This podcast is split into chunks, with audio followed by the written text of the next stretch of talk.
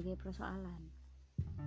Seberat apa pun hidup, kita selalu melakukan beberapa langkah. Ini untuk bisa melepaskan tekanan dan ketegangan, serta tetap memiliki kontrol atas reaksi yang kita berikan. Identifikasi sumber stres.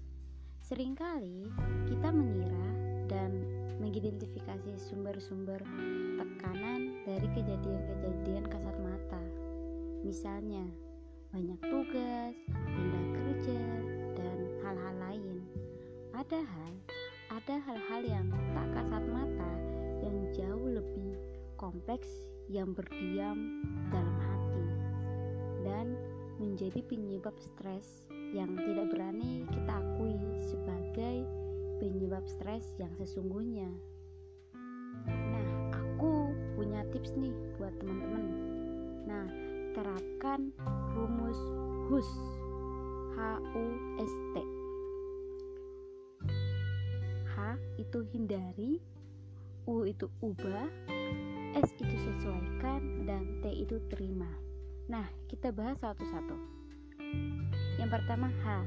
H itu tuh hindari bukan berarti menghindar masalah tapi seiring pengalaman kita akan bisa mengasah kepekaan untuk menghindari dari hal-hal yang bisa menimbulkan tekanan. Misal, berlatih mengatakan tidak untuk hal-hal yang tak nyaman bagi kita tanpa harus merasa bersalah. Yang kedua, U. U itu ubah. Ubah situasi jika kita tidak bisa menghindarinya. Seringkali mengubah ini berkaitan dengan cara kita berkomunikasi dan mengatur jadwal harian. Contohnya, berlatih meng mengekspresikan perasaan ketimbang menyimpan dalam hati. Terus berusaha menjadi lebih fleksibel dan berusaha menyediakan keseimbangan bagi diri sendiri. Misal, menyediakan waktu me time untuk menghibur diri. Yang ketiga, S. S itu sesuaikan Sesuaikan diri dengan sumber tekanan apabila kita tidak punya kuasa untuk mengubahnya. Mengubah harapan dan tindakan kita terhadap sumber tekanan akan sangat bisa mengembalikan kemampuan kita mengontrol.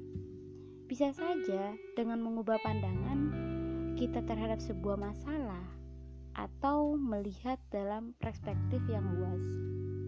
Yang terakhir itu T, terima. Terima hal-hal yang bisa eh yang tak bisa kita ubah. Adalah cara gitu untuk bisa berdamai dengan sumber-sumber tekanan yang berada di luar kuasa kita. Misal, kematian orang-orang yang kita sayangi, ketidakberuntungnya yang tidak yang tak terhindarkan atau hal-hal yang terkait dengan takdir lainnya. Menerima mungkin bukanlah hal yang mudah untuk dilakukan, tapi seiring dengan berjalannya waktu, kita akan makin terbiasa dan mahir melakukannya. Aku sharing hari ini.